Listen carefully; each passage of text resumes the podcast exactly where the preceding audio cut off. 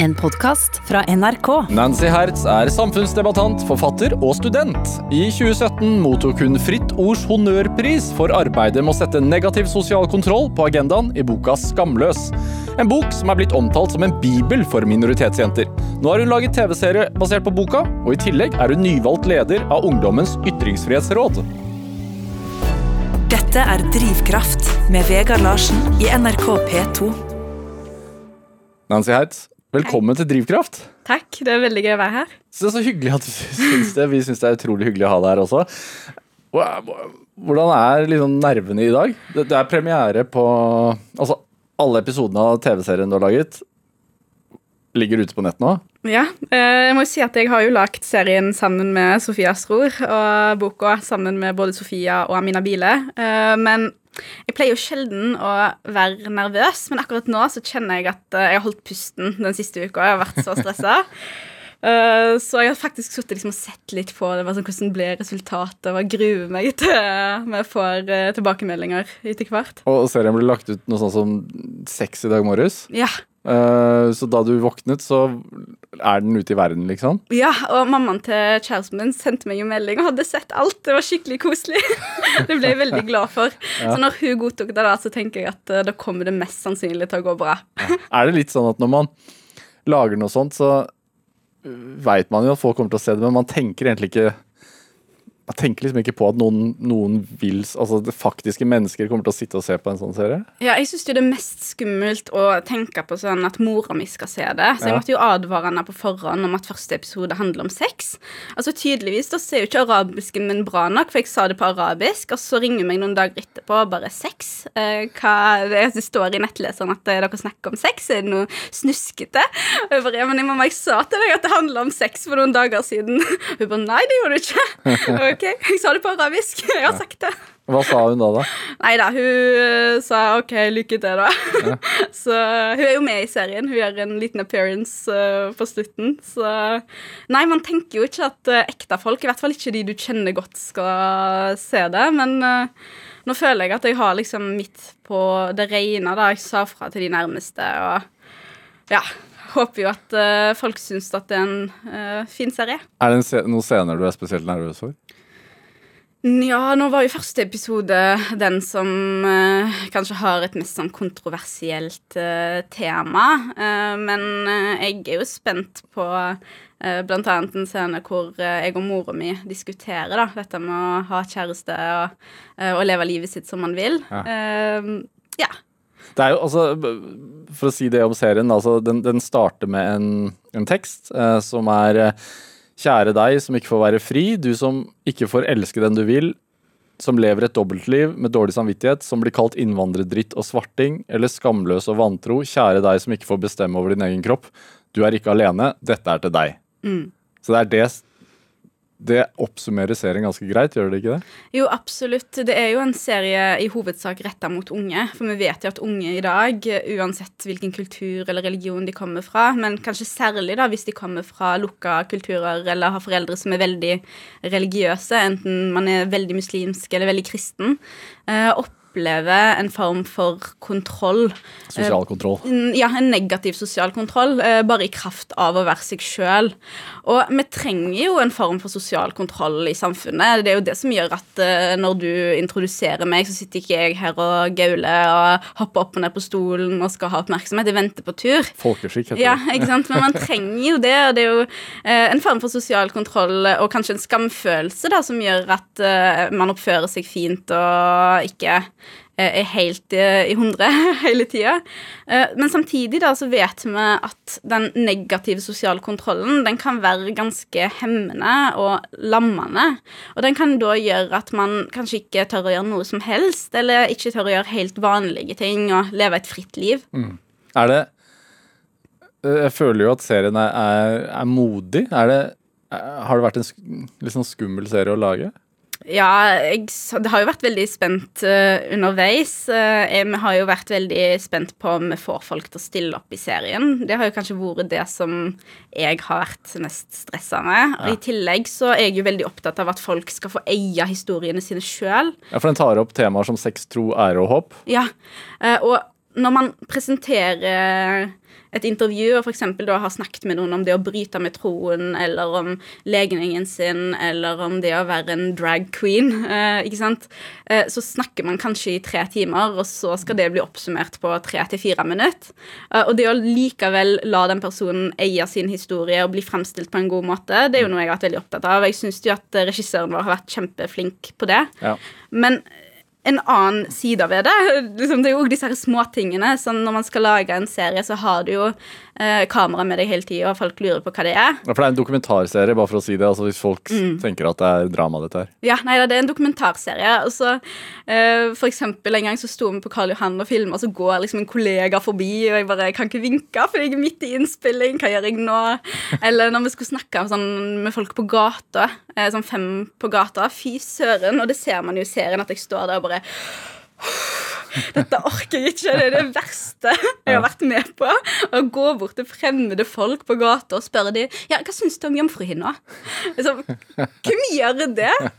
Ja, men, men da er det jo tydeligvis viktig for deg, da, siden du utsetter deg for, eh, for noe du syns er pinlig. Ja, absolutt. Og jeg prøver jo så godt jeg kan å unngå sånne kleine sosiale situasjoner. Jeg går jo med solbriller for å unngå å få øyekontakt, og så blir det kleint. Uh, av og til og jeg går i loop rundt folk bare for å unngå en kollisjon, så det er litt sånn Det var veldig intenst, da, å måtte gå bort til fremmede og bare Hei, hei, hva syns du om det? Uh, og Sofia, da, uh, hun jeg uh, har lagd serien med, hun opplevde jo blant annet at noen sa sånn Nei, sorry, jeg er imot det dere står for. Ja. Hva sier man da? Sånn, det blir sånn, ja, men Vi står jo bare for frihet. Please, snakk med oss! Vi er ikke onde. Ja. Eh, ehm, Nancy Hertz, altså eh, den serien eh, som kommer på Som ligger ute nå på NRK på nett, den kommer på TV etter hvert. eh, Den, starta jo egentlig for fire år siden, sånn jeg ser det. Eh, du var 20 år, så skrev du et innlegg i Aftenposten med overskriften 'Vi er de skamløse arabiske jentene, og vår tid begynner nå'. Hva var det som gjorde at du Altså, Hva fikk deg til å skrive den teksten i utgangspunktet? Når jeg eh, skrev den teksten, så bodde jeg fortsatt hjemme. Jeg hadde Haugesund? friår. Ja, i Haugesund. Eh, Jeg hadde friår og hadde sånn type tre jobber og skulle liksom spare penger for å slippe å være fattig student når jeg kom til Oslo.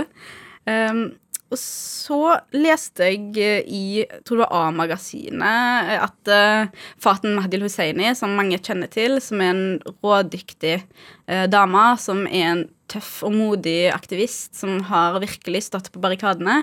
Hun snakka om hvordan hun opplevde hets både fordi hun gikk med hijab, hun opplevde islamofobi, men så opplevde hun òg å bli fortalt at hun ikke var god nok for sitt eget miljø.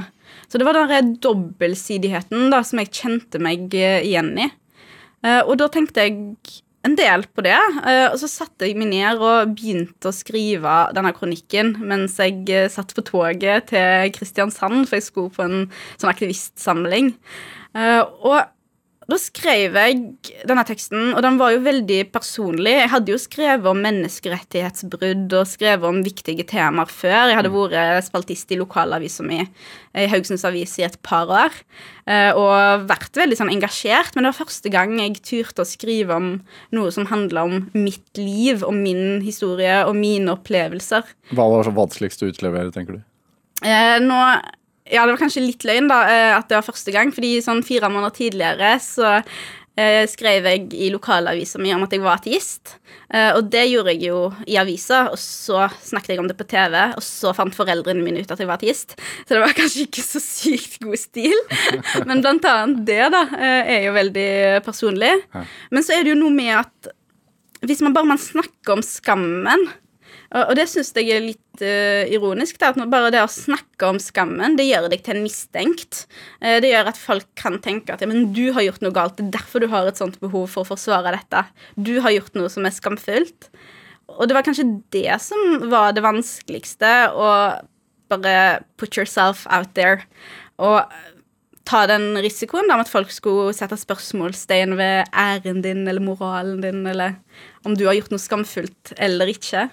Men det var jo absolutt verdt det, eh, og særlig det at andre unge kom til meg i ettertid og sa hei, fordi du tør, så tør jeg. Fordi Sofia fulgte opp med sin kronikk. Eh, Hun skrev om det å knuse glasshus. eh, Og det der med at jenter som ser ut som oss, vi må ikke bare knuse glasstaket, vi må først knuse glassveggene og glassvinduene og eh, glassdørene før vi i det hele tatt kan begynne å dunke på det taket. Mm. Eh, og Amina Bile, som da òg har skrevet bok sammen med oss, hun gikk jo ut og sa det at jeg så dere på TV, og fordi dere satt der, så turte jeg å gjøre det samme. Ja, hvordan fant dere hverandre, dere tre? Amina møtte meg jo på Aftenpodden for første gang. Eh, eller noe i den duren. Det var i hvert fall en podkast eh, hos Aftenposten. Eh, nei, det var kanskje å si det. Men uansett, Sofia kjente jeg jo litt fra før. Jeg hadde funnet henne på Facebook, eller så hadde hun funnet meg noen år før dette igjen. Og vi fulgte hverandre på sosiale medier, og Sofia gikk jo med hijab på den tiden. Mm. Og jeg hadde jo aldri møtt noen som så ut som meg, som jeg stolte på, for jeg var alltid så redd for at jenter som så ut som meg, skulle dømme meg. Men så var hun så kul. Uh, og så satt vi da på en kinesisk restaurant i Oslo en gang jeg var her, og hun hadde flytta for å studere. Det var litt før jeg flytta. Uh, og så satt vi da og bare bånda så sjukt over oppveksten vår. Og fant ut at vi har jo så mange opplevelser til felles. Hva, det, hva var deres bakgrunn? Vi har begge libanesisk bakgrunn ja. og, og muslimsk bakgrunn. Og selv om foreldrene våre aldri hadde møttes før, så var det jo sånn at de hadde gjort mange av de samme tingene. Og det var mange av de samme mekanismene, de samme kommentarene, og vi bare I kjente oppveksten. oss. Mm, og vi kjente oss så mye igjen. Nei, sånne ting som helt konkrete ting er jo sånn når mødrene våre sier sånn Hva er det jeg har oppdratt? Hva er dette for noe? Og vi banna jo skikkelig på det, da. At uh, mødrene våre er så oppgitt over oss.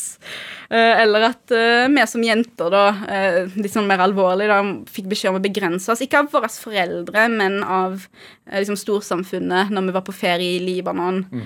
eller den opplevelsen av at vi som jenter fra veldig tidlig alder ble seksualisert. Uh, samtidig som man absolutt ikke skulle snakke om seksualitet. Så det er jo ganske mange nyanser her, og mange opplevelser som uh, vi bånder på. Og jeg satt der og tenkte fy søren, en kul araber. Og hun satt der og tenkte oi, en araber som drikker vin. Så det var jo Det var jo veldig bra for oss begge da, å få brøte noen sånne barrierer. Ja. Hvordan, hvordan, Du sier at dere opplevde seksualisering. Hva, hva, hva mener du med det? Noe av det som vi har snakket om både i Skamløs-boka og i serien, ja. det er jo den holdningen om jomfruhinna. Eh, om at man har en jomfruhinne, en jomfrudom, en idé om et eller annet som man skal beskytte. Og det gjelder jo særlig for unge jenter. Eh, det er ikke så farlig med jomfrudommen til gutter, fordi eh, de får jo gifte seg uansett. Og noe av det som var veldig interessant, det var jo å se at alle de begrensningene som jeg snakker om, uansett om det er ekstrem negativ sosial kontroll i form av frihetsberøvelse, eller at man uh, blir sendt ut av landet for å bli såkalt gjenoppdratt, mm. eller tvangsekteskap, eller de såkalte mildere formene, da, sånn sladrekultur, at man blir utstøtt av familien sin, ikke at det er så mildt. Uh, alt bunner jo i denne her seksualiseringen, uh, i denne ideen om at man skal ta vare på jomfruhinna. Um, og når man hele tida blir fortalt at du går rundt og bærer på noe som skal beskyttes, og at familiens ære ligger mellom beina på deg, eh, så er det jo ganske hardt da, eh, å være ung jente. Eh, men òg å være den broren eller den faren eller den onkelen eller fetteren som skal gå rundt og beskytte tissen til alle jentene de kjenner. Det er jo ikke så lett, det heller, tenker jeg. Det er ikke greit. Dette er Drivkraft med Vegard Larsen i NRK P2. Og I dag er lederen av Ungdommens ytringsfrihetsråd og forfatter Nancy Hertz her hos meg i Drivkraft på NRK P2, eh, nå også aktuell med TV-serie. Eh, du, du, du, fortalte meg akkurat at du uh, sto frem som ateist i, i avisen uh, før, før, du hadde sagt det hjemme. Men uh, for, du var jo en periode muslim og troende. Og også opptatt av å være en veldig god muslim. Mm. Hvordan var du som 14-åring, f.eks.? Å, oh, herregud. Uh, ja, herregud. Uh, jeg, uh, når jeg gikk på ungdomsskolen, så var jeg veldig opptatt av identitet og tilhørighet og hvem jeg er, og hvem jeg ikke er. Som mange ungdommer kanskje er. Mm. man prøver å finne ut av hvem man vil være. Eh, men jeg vokste jo opp eh, i Haugesund og var jo en av ikke så altfor mange folk som så ut som meg. Det var liksom søsknene mine og uh, hun ene venninna mi som var kurder, faktisk. Uh, og Sofia har akkurat den samme historien. Hun har òg en venninne som var kurder, skjønner du. Uh, og jeg syns ikke at eh, jeg og alle de andre som kanskje så ut som jeg hadde så mye til felles, og det gjorde det ekstra vanskelig å finne en tilhørighet, finne gjengen sin.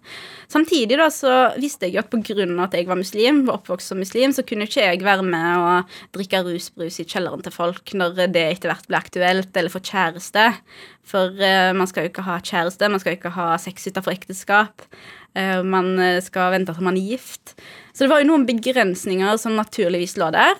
Og jeg tenkte sånn, hvordan skal jeg løse dette?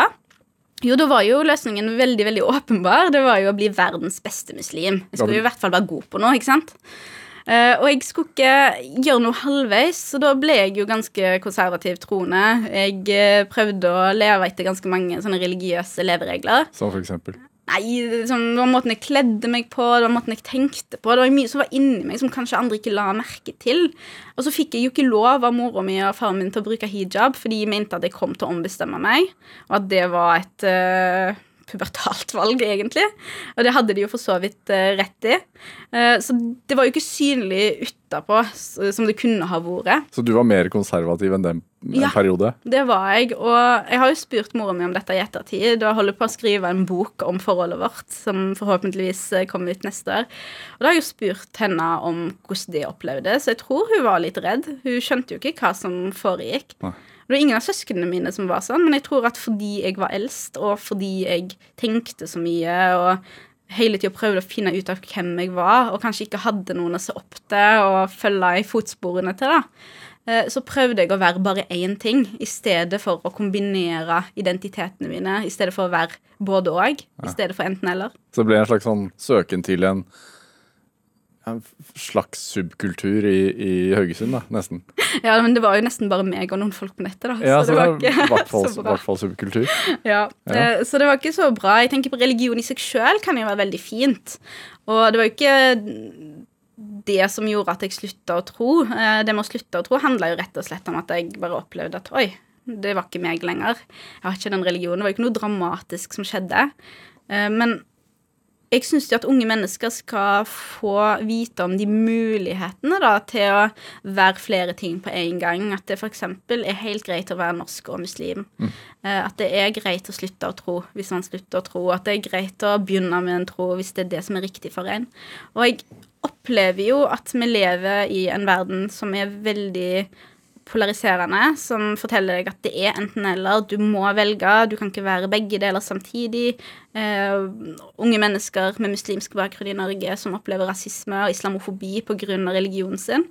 Og selv om jeg har slutta å tro, så tenker jeg at det er utrolig viktig at man ikke opplever utenforskap pga. troen sin, men heller får lov til å finne seg en identitet som man trives med, og den kan inkludere religionen din. Ja, For det er ikke det, det, er, det er ikke det dette handler om? Nei, jeg kunne virkelig ikke brydd meg mindre om hva folk tror på. Jeg tenker at eh, det skal man få lov til å ha i fred, eh, men man skal ikke bruke religionen sin til å tvinge andre til å gjøre noe, til å skamgjøre andre. Og det skjer jo òg. Eh, det er jo folk som bruker religiøse forklaringer på hvorfor det jeg gjør, er galt, hvorfor måten jeg lever livet mitt på, er galt, mm. og at jeg kommer til å brenne i helvete. Men jeg tenker jo da at uh, helvete er avvikla. Uh, det var jo en av de beste tingene med å slutte å tro. Da har du ikke et helvete, ikke sant. Uh, det er jo ikke noe etterliv. og da Føler man mindre skam, kanskje? også? Ja, absolutt. Da er det ikke sånn at hver bidige lille ting som du gjør, kan føre til skamgjøring, eller at du brenner i millionervis av år. Ja. I stedet da så tenker du at man skal være et godt menneske fordi det er det som rett, ikke sant? Ikke fordi man blir tvunget til det. Men boka eh, 'Skamløs' eh, består jo av samtaler dere imellom, eh, egne tekster, men også andres historier. Mm. Eh, hvordan fant dere de? Da gikk vi jo ut og prøvde å finne folk i nettverket vårt, så det var jo gjennom eh, kjente. Eh, samtidig som vi ikke kunne snakke med folk som var for nære, for vi ville jo ikke at det skulle være mulig å identifisere dem. Mm. Eh, så jeg kan ikke si sånn veldig mye om hvem de er, å, eller hvordan vi fant de, uten at det kan være eh, en risiko for de. Men vi er jo veldig takknemlige for at folk har valgt å dele historiene sine med oss, både i boka og ikke minst i serien. Hvilken historie har altså, gjort størst inntrykk på deg? Åh, man kan jo ikke trekke fram én. Det er jo mange som har gjort sterkt inntrykk. Men hvis du skal velge en? Ja, hvis jeg skal, så må jeg jo kanskje si det ene intervjuet hvor vi ikke kunne vise et ansikt, eller si et navn. Ja. Uh, og vi har ett intervju i boka, nei, i serien, uh, hvor uh, vi har snakket med ei jente som lever under helt ekstreme omstendigheter, som har opplevd ekstrem æresvold. Og det å Hva snakker vi om da? Eh, Hva sa du? Hva snakker vi om da? Eh, det, nå husker ikke jeg akkurat hva vi har fått fram i serien, så man må se serien for å, for å vite hva som har kommet gjennom redaksjonelt, for å si det sånn. Men det er jo en veldig ekstrem situasjon da, hvor en far har trua dattera si, og uh, hun har blitt forsøkt æresdrept. Uh, og den historien, og det at vi ikke kunne vise ansikt, at vi ikke kunne nevne navn, at vi har uh, måttet ta hele historien liksom ut av kontekst for å kunne fortelle den, det har gjort sterkt inntrykk. Og likevel så valgte jo denne jenta å stille opp. Mm. Så det er kanskje noe av det som ja, har gjort eh, sterkest inntrykk, hvis jeg må velge én. Eh, men Hvorfor alle- gjorde hun det, tror du? Hvorfor hun stilte opp? Ja. Jeg tror det handler om det jeg nevnte tidligere, om å eie sin egen historie.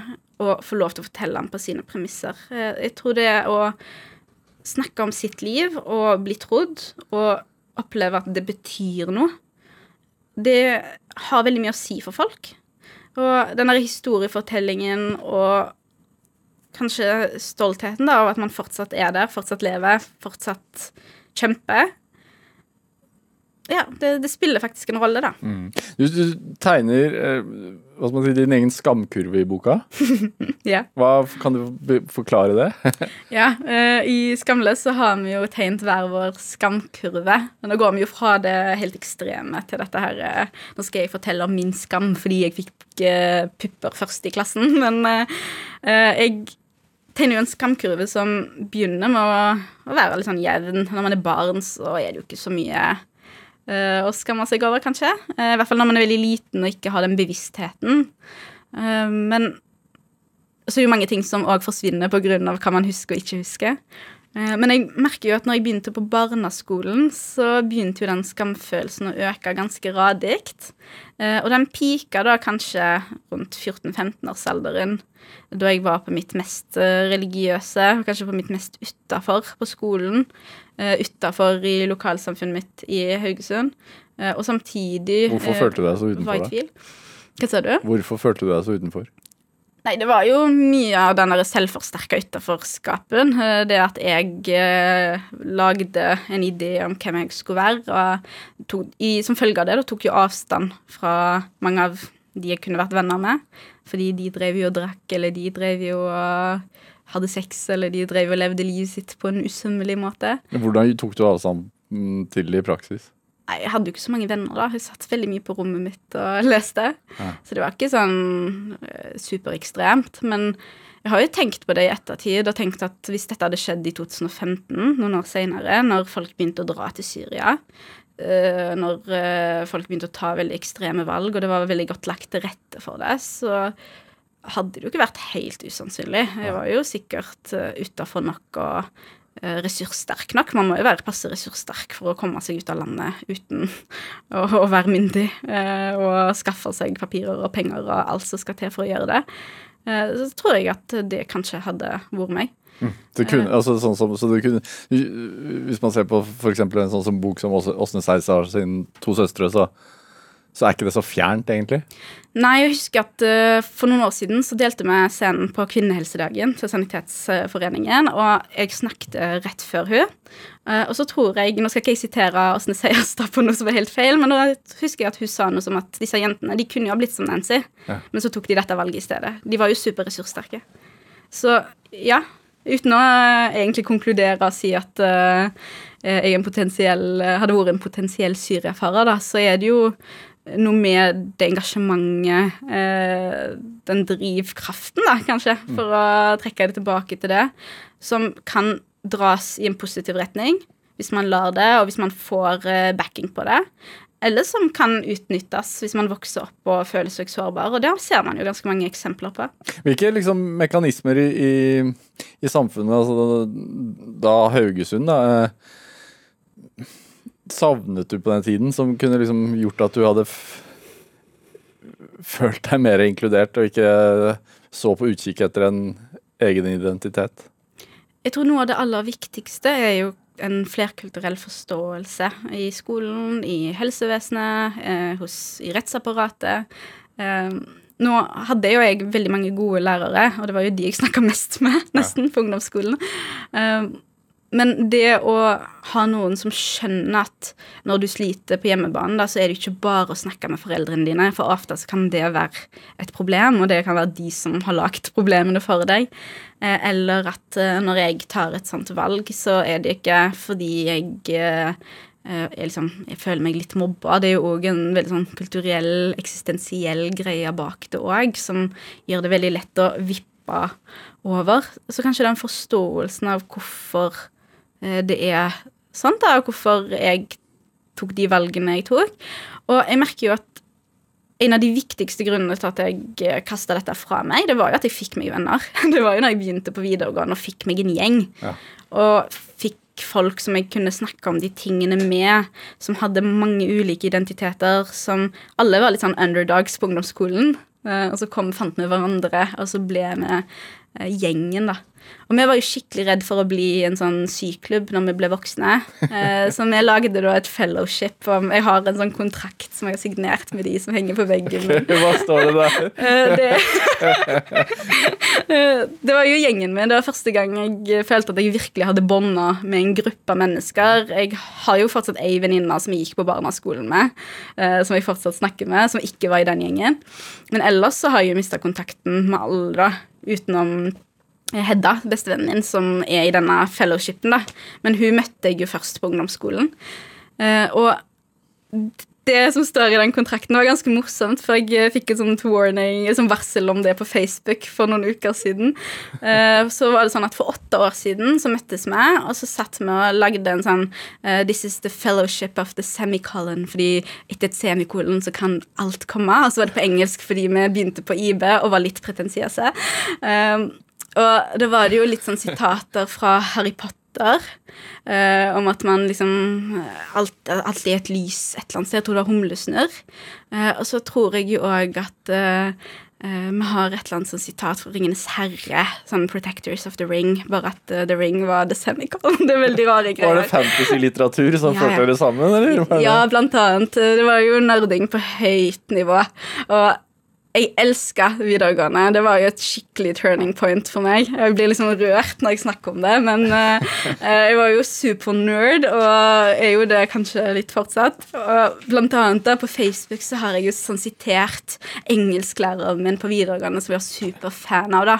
Og Hun visste jo ikke det, fordi lærerne hadde, var jo ikke venner med elevene sine på Facebook. Men da så siterte jeg da på Facebooken min der hun sa at uh, liksom, det er så bra, eller så rart at uh, i en norsk skole så er det bare en liten gruppe som lese Hamlet. Og vi satt jo der på IB og leste Hamlet.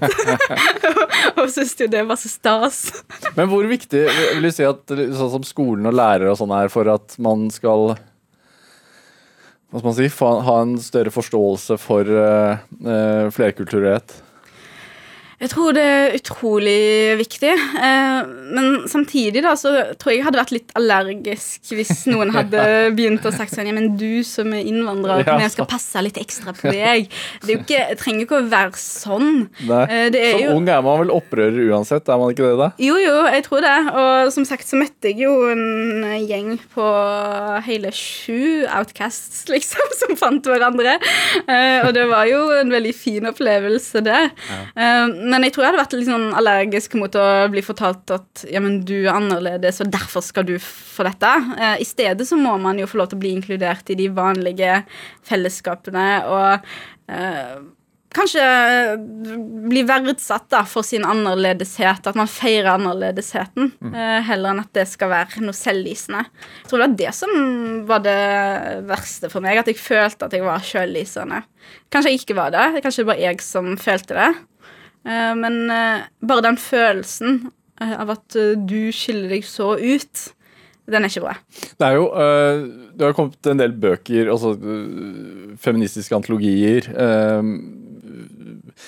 Fitsteam, altså bøker som, som beskriver det å være ung, sterk kvinne. Mm.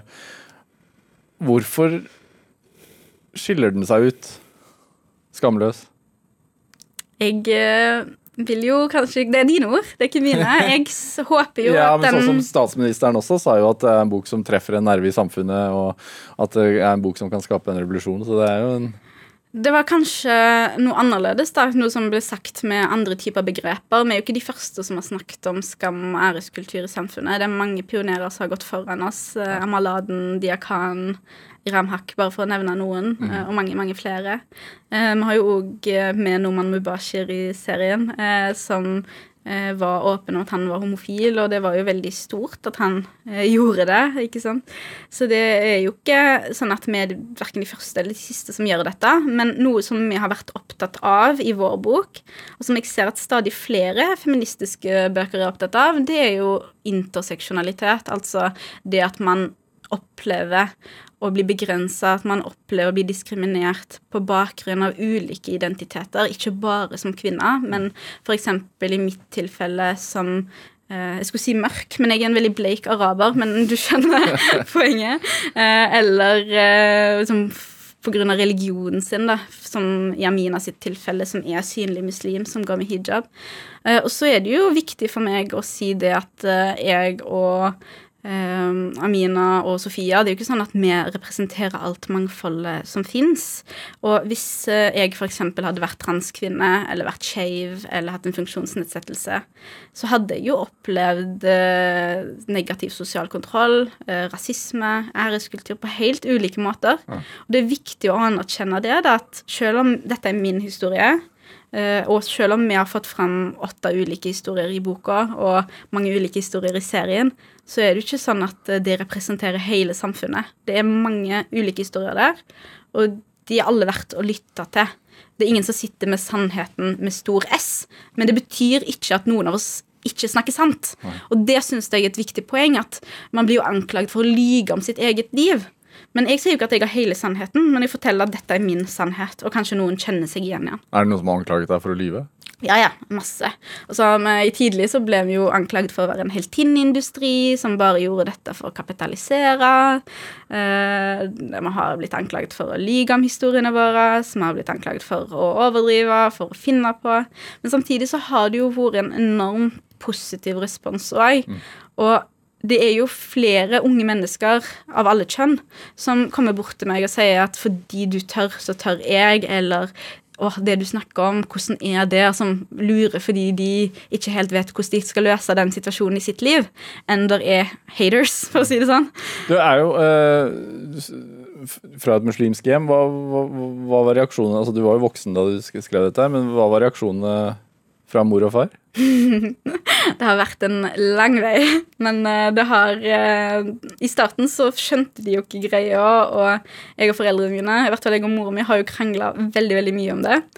Eh, Jeg skal ikke si så mye om den reaksjonen, siden jeg holder på å skrive om den. Jeg prøver å høre hvordan mora mi følte, i stedet for å bare være sur fordi hun var kjip mot meg. Men det var ikke utelukkende positivt, og det har jo vært tungt til tider. Eh, Men jeg har kanskje vært litt streng, da, for jeg har tenkt at vet du hva, hvis det å velge meg betyr at jeg må velge de vekk, så må jeg kanskje gjøre det. Eh, og det har ikke vært et alternativ for meg å føye meg, i hvert fall ikke etter at jeg begynte å snakke om de tingene. Eh, og jeg husker at eh, jeg eh, leste den boka So You Want To Talk About Race, eh, og der skriver forfatteren at når hun begynte å snakke om rasisme, så var det som hun begynte å skrike og ikke klarte å slutte. Og det samme følte jeg når jeg begynte å snakke om skam og æreskultur. Og de der små tingene som har begrensa meg og mange mange andre kvinner, både her i Norge, men òg verden over. For man må huske at selv om ja, det skjer i Norge, så er det jo folk langt vekke som har det mye verre. Eh, og med å huske på at eh, det kan føles utrolig rart. Jeg må bare si det. At det kan føles helt teit å sitte her og snakke om at å, jeg fikk ikke lov til å gå i skjørt når kvinner verden over og mennesker verden over er på flukt. Bare senest i dag så ser vi bilder av at det brenner i flyktningleiren Moria. Mm. Uh, og jeg må, jeg må bare si dette at det er jo ikke sånn at man skal sette ulike opplevelser opp mot hverandre, men vi trenger òg å gi plass til disse her ekstreme situasjonene som foregår. Og vi må òg huske på at uh, når vi sitter her og snakker om våre opplevelser, som er vonde, så er det jo sånn at kvinner i de mest sårbare stedene i verden, i de mest sårbare situasjonene i verden, har det mye, mye verre enn oss. Uh, og når regjeringen da sier at ja, da tar vi imot 50, hvor mye 50? Er det fem familier? Er det ti mm. familier? Er det uh, et par, et titalls barn? så er det faen meg ikke greit.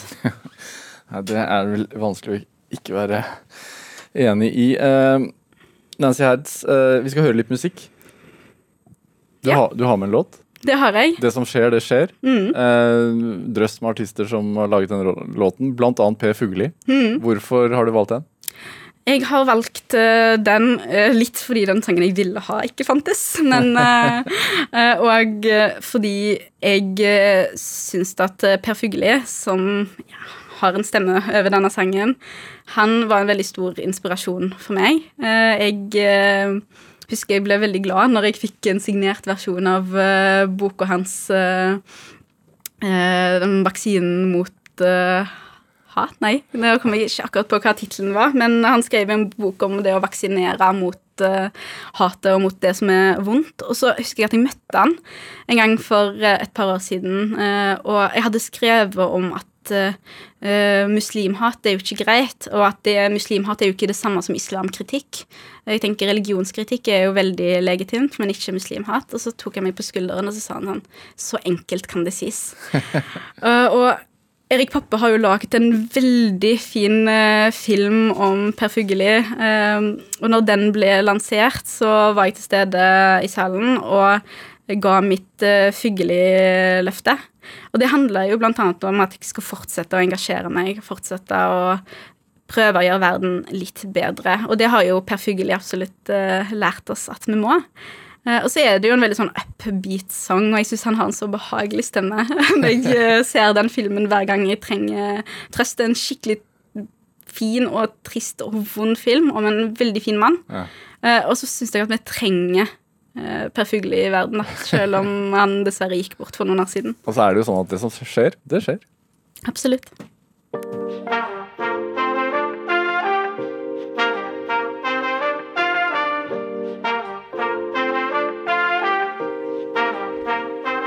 Hans råd var av og til må dere på remmen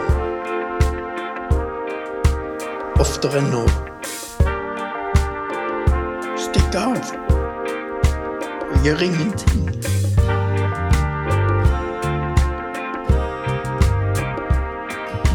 Ta en blås.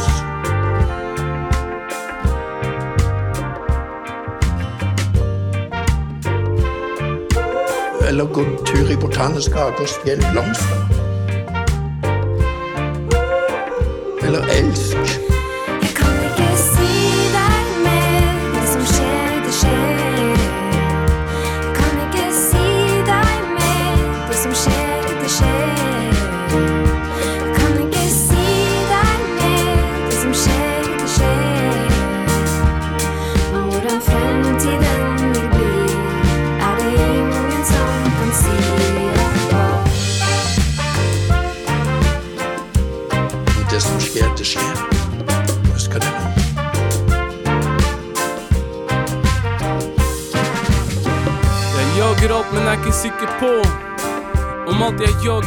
Sikkert nå. Hva sier folk? Få det mest ut av alt, men livet tester meg, mann. Jeg er ikke sikker, er det riktig eller galt? Opp eller ned? Alt avhenger av øyet som ser. Men en ting jeg kan si deg sikkert, er at livet er noe mer enn søken etter grunnen. Jeg søker stunder som har gjort meg munter. I det sekundet jeg ikke undrer, bare flyter fritt. Kan være smil fra en som går forbi og sier hei. Kan være dattera mi som sier at hun elsker meg. Kan være asfalten, den lukta den gir når det er regn. Kan ganske enkelt være deg. Sitter og observerer livets gang. Det handler om så mye mer enn jeg kan si en sang. Har jeg ett råd, så er det lev mer. Og husk at det som skjer, det skjer. Jeg kan ikke si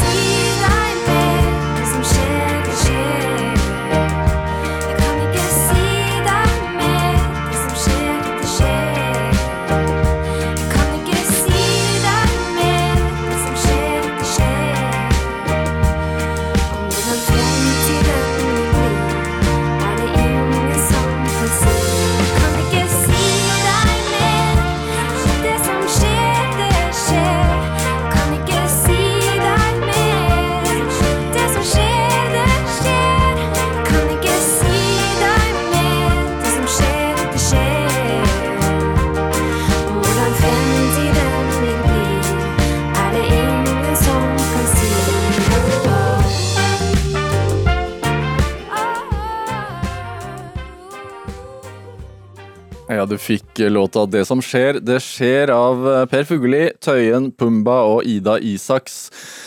eh, Her på Drivkraft i, på NRK P2. En, en låt som er valgt av dagens gjest i Drivkraft, nemlig eh, Nancy Hert, som sitter her i studio, eh, som er aktuell med både TV-serie, skrevet en bok for noen år siden, og så er hun også nyvalgt leder av Ungdommens ytringsfrihetsråd. Eh, Nancy, det er sånn, de hører på låten her, så akkurat på slutten så hørte vi det sånn Det er ingen som kan si hvordan fremtiden blir. Nei. Uh, jeg tenker at du er fra uh, Vokste opp i Haugesund. Ja. Uh, hvordan er det å vokse opp i Haugesund? Jeg er veldig glad i byen min, Ja. Men den kjærligheten den kom jo i hovedsak da jeg begynte å skjønne at jeg skulle flytte. Og nå, da, når jeg eh, ikke bor hjemme, så merker jeg at jeg savner Haugesund. Jeg syns det er en fin by. Favorittkafeen min er i Haugesund. Eh, men det hadde jo vært mye kulere å kunne si noe sånn som at ah, Haugesund er en by du flytter ifra. Eh, men nå som jeg bare har bodd i Oslo et par år, så merker jeg at eh, eh, for eksempel dialekta mi den ble jo mye bredere når jeg flytta her til, for da ble det jo ekstra viktig å ta vare på noe derfra. Men ja, jeg gikk jo på ungdomsskole og videregående og barneskole og alt der. Eh, frem til ungdomsskolen så var det ikke så kult. Um, og det er litt morsomt, og jeg vet ikke om dette er helt innafor å si, men skal si det likevel. Uh, når jeg var på turné i Rogaland i fjor, uh, så var vi jo annet i nordfylket. Uh, og da her snakket vi litt, og, og nå kommer jeg sikkert til å få mye kjeft, men eh, da spurte jeg jo ungdommer i nordfylket sånn Ja, hvor mange av dere er det som gikk på den ungdomsskolen der som jeg gikk på? Og det var sånn, folk rekker opp hånda. Jeg bare, Hvor mange av dere syns det var helt ille å gå der? Og da rekker jo alle de samme folka opp hånda. Så da følte jeg at vi connecta litt over det. det var kanskje litt kjipt gjort, men, eh, men jeg har en lidenskapelig, liksom lidenskapelig opptatt av å hate ungdomsskolen. Eh, og det har jo kanskje prega eh, mye av eh, den opplevelsen av å vokse opp der, da. Ja, hvorfor, hvorfor eh, Altså, moren og faren din er fra Libanon, begge to. Hvorfor Haugesund, og hvorfor, hvorfor dro dere, eller dro de fra Libanon? Eh, pappa hadde jo bodd i Norge et par år eh, før han møtte mamma, og de gifta seg, så han var jo norsk statsborger. Ja. jeg ble jo født i Libanon, men som norsk statsborger, så jeg har jo egentlig aldri liksom, søkt asyl eller flykta. Eh, Men eh, jeg tror pappa bare endte opp her, og så gifta han og mamma seg. Og jeg tror ikke hun hadde planer om å flytte til Norge, men eh, da jeg ble født, så var det jo krig i Libanon. Eh, Og jeg var norsk statsborger, og pappa var norsk statsborger og bodde i Norge, og da ble det jo Ja. Situasjonen ble jo sånn at hun valgte å komme her da, og være sammen med pappa. Og så ble det Haugesund. Og jeg er for så vidt glad for å ha vokst opp i en by på Vestlandet. Eh, Jeg eh, brenner litt da for at eh, man skal bo rundt omkring i dette vide land. Og det er kanskje ikke lov å si når man har flytta til Oslo. Men det å vokse opp på et eh, sted som Haugesund har jo òg hatt noen fordeler. Jeg snakket jo om det som var negativt med tanke på å være den ene eh, med innvandrerbakgrunn, eller en av få. Men samtidig da så slapp jeg jo unna mye av det sosiale presset jeg hadde opplevd hvis jeg hadde vokst opp i en uh, muslimsk familie i Haugesund, nei, i Oslo. Og Hva tror du er forskjellen? Nei, da hadde jo flere hatt noe de skulle ha sagt, da. Eh, og jeg har jo Større sosial kontroll. Ja, absolutt. Eh, Jeg har jo en stor slekt, men de bor jo for det meste i Libanon og rundt omkring i verden. Jeg har ingen som bor i Norge, og det har jo vært ganske ålreit, det, da. Å bare se de på ferie, egentlig. Men er det hva, hva tror du at du har med deg fra Libanon, selv om du er, jo er, altså du er født der, men du har jo vært norsk statsborger hele veien? Og, Det jeg har med meg eh, fra min libanesiske kultur da, Jeg var jo veldig opptatt av Libanon, som jeg nevnte tidligere, i en periode av livet mitt. Og jeg blanda jo til en viss grad denne her tilknytningen til Libanon med religion og følte at det var synonymt. Eh, Det er det jo ikke. Eh, og fra Libanon så har jeg jo med meg språket. og Det at jeg kan snakke arabisk. musikken. Eh, jeg har med meg mange av de gode mattradisjonene. Jeg elsker å dra hjem til mamma, som eh, lager veldig veldig god libanesisk mat. Eh, og det ser man annet i serien. Mm. det er jo en sånn følelse, da. Jeg er veldig glad i Beirut, hovedstaden i Libanon. Jeg føler at det er min by, på en måte. da. Selv om jeg aldri har vokst opp der, så har det alltid vært noe som drar meg til Beirut. Det er en by som ikke ligner på noen annen jeg har vært i, i hvert fall. Um, og den derre følelsen av å være blant folk som er glad i deg, da. Eh, familie, søskenbarn. Eh, folk som skjønner eh, hvem du er, og, og skjønner den siden av deg. Det har jo vært veldig viktig for meg. Samtidig så merker jeg jo at jeg er jo en fremmed i Libanon òg. Jeg er jo ikke som de andre. Jeg snakker jo ikke som de andre. Eh, jeg har ikke den samme moten som de andre. Eh, jeg oppfører meg på en annen måte. Så måten jeg ter meg på, er en annen. Eh, Så når man vokser opp mellom flere kulturer, da, så kan man jo enten se på det som noe positivt, at du velger det beste fra alt, eller så kan det bli ganske tungt at du aldri passer inn noe sted. er det er det sånn slitsomt å få disse spørsmålene også? Sånn øh, om, om at man er flerkulturell, og bakgrunnen der, og hvordan det påvirker og Ja, fordi av og til, eh, og nå dette er liksom veldig sånn generaliserende, men av og til så vil man jo bare være såkalt normal, ikke sant? Du vil bare I hvert fall i ungdomstiden. Ja, du vil ikke at folk skal stille spørsmålstegn, og så blir du jo litt usikker. Jeg merker det jo fortsatt, da, eh, når folk stiller meg eh, spørsmål om sånn Hvor er du fra? Så da lurer jeg på sånn, men Spør du fordi dialekten min? Spør Ja. du fordi hvordan jeg ser ut? Hvordan ser jeg ut for deg? Det er jeg veldig usikker på. For jeg vet jo at jeg er veldig lys i huden og kan ha en såkalt passing privilege, da. eh, For liksom ganske mye rart. Og så heter jeg Nancy Hers og er fra Rogaland. Liksom. Det har, har jo, Foreldrene mine har gjort det lett for meg. Eh, når det gjelder å bare si sånn Nei, jeg er norsk, hvis jeg skulle ha insistert på det. Eh, men man vet jo aldri da men hvorfor uh, spør du. Eller, men det er jo samme greia hvis jeg går ut og folk uh, kaster sånn blikk. da, så sånn, har du, er Ser du på meg sånn fordi du hater meg? Ser du på meg sånn fordi du har sett meg på TV? Hva er, hva er greia? Hvem er du? Har jeg møtt deg før? Uh, så det er jo noe med den der usikkerheten.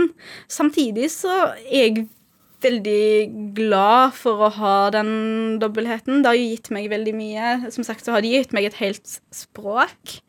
Eh, og det er jo noe som òg blir et spørsmål når man blir litt eldre, for å si det på den måten. Nå følte jeg meg skikkelig gammel, men eh, jeg er jo ikke det.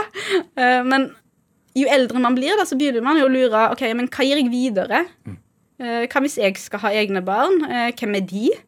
Eh, og da blir jo mange av de valgene jeg har tatt i mitt liv, da, som er helt normale, da, for å si det sånn, eh, som skjer ganske organisk, det blir jo plutselig store livsvalg.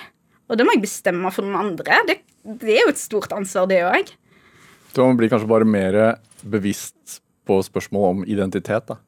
Ja, jeg trodde jo at det skulle slutte, men så ble det litt sånn Oi, men tenk, hva, hva gir jeg videre? Hva, hva skjer eh, i neste generasjon? Hva, eh, hvem, hvem vil mine barn være? Og jeg håper jo at uh, de finner ut av det på egen hånd, eventuelt, da, hvis jeg, hvis jeg får barn. Men det er jo store spørsmål, og det føles jo av og til ganske så overveldende. Ja. Føler du at du har liksom tatt et oppgjør med dine egne foreldre?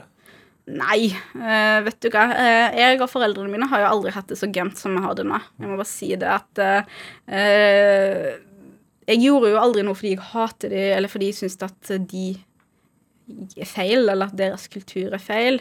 Jeg gjorde det jeg gjorde fordi jeg ville leve livet mitt på en viss måte og trengte å få en aksept for det. Um, og fordi jeg mener at det er ikke noe galt i å leve et fritt liv. Uh, og så er jo kanskje spørsmålet ja, ok, måtte du gjøre det i offentligheten, da? Måtte du virkelig ut og si det til absolutt alle? Uh, og det handler jo for meg om at jeg vil at andre unge mennesker som vokser opp i Norge i dag, skal se at det er mulig. Eh, Jeg eh, har gjort ting som folk kanskje syns er helt hårreisende, som foreldrene mine fortsatt ikke er enig i. Men det har jo gått greit. Men er det ikke rart at det skal så lite, egentlig så lite til før folk mener at de har en rett til å eh, kommentere, i hvert fall på internett, og legge seg opp i andres liv og, og valg?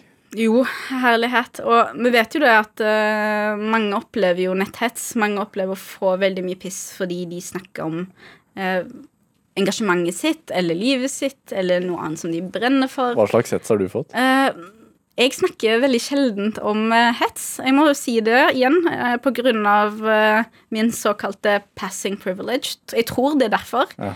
Eh, og fordi jeg er blid, eh, så får ikke jeg sånn 'Å, du fortjener å bli drept' i veldig stor grad. Jeg får ikke det verste. Eh, men jeg tror at hvis jeg hadde brukt hijab eller vært mørkere i huden, eh, som jeg ser at mange av mine medsamfunnsdebattanter uh, er, eh, så opp, tror jeg jeg ville opplevd mye mer hets. Og det er veldig urettferdig at jeg kan sitte her og si ting som uh, f.eks. Amina da, uh, ville opplevd mye større konsekvenser for, bare av hvem hun er og hvordan hun ser ut. Ja, fordi hun bruker hodeplagg. Ja, blant annet. Eller er merker i huden. Ja. Men jeg syns jo at eh, det er viktig å snakke om netthets eh, og generelt hets mot uh, både voksne og unge samfunnsdebattanter. Ah. Uh, unge som bruker stemmen sin. Men jeg kan virkelig ikke sitte her og si at det har vært utelukkende uh, jævlig. Både på grunn av at det ikke har vært det, men òg fordi jeg ikke vil at unge skal bli skremt vekk fra å bruke stemmen sin og ta til orde i samfunnsdebatten. Men bør man være litt Det kan ikke være hårsår. Åh, herlighet. Eh, har, man må lære seg noen teknikker, da. Ja. Du sjekker ikke mobilen din når eh, du er skikkelig sliten, eller når du allerede er lei deg. Du går ikke inn i kommentarfeltet på NRK.